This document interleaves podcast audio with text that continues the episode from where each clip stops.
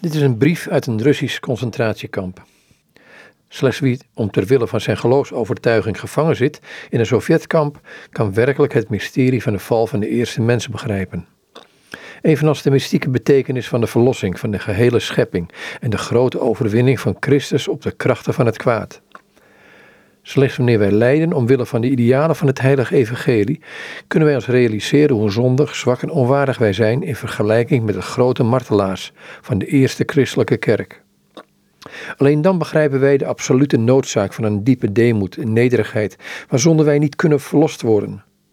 Slechts dan kunnen wij het voorbijgaand beeld van het zichtbare en het eeuwig leven van het onzichtbare beginnen te begrijpen.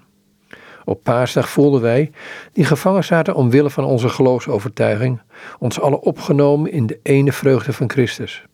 Wij werden alle aangegrepen door een gevoel, door die ene geestelijke triomf, en we loofden de ene eeuwige God.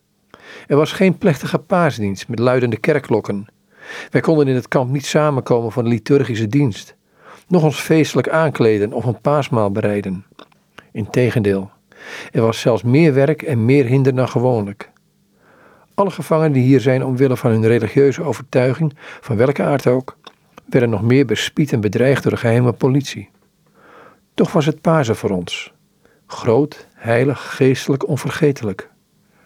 Deze dag werd gezegend door de aanwezigheid van de vrezen God tussen ons. Gezegend door de zwijgende Siberische sterren en door ons verdriet. Hoe vreugdevol klopten onze harten in vereniging met een grote verrijzenis.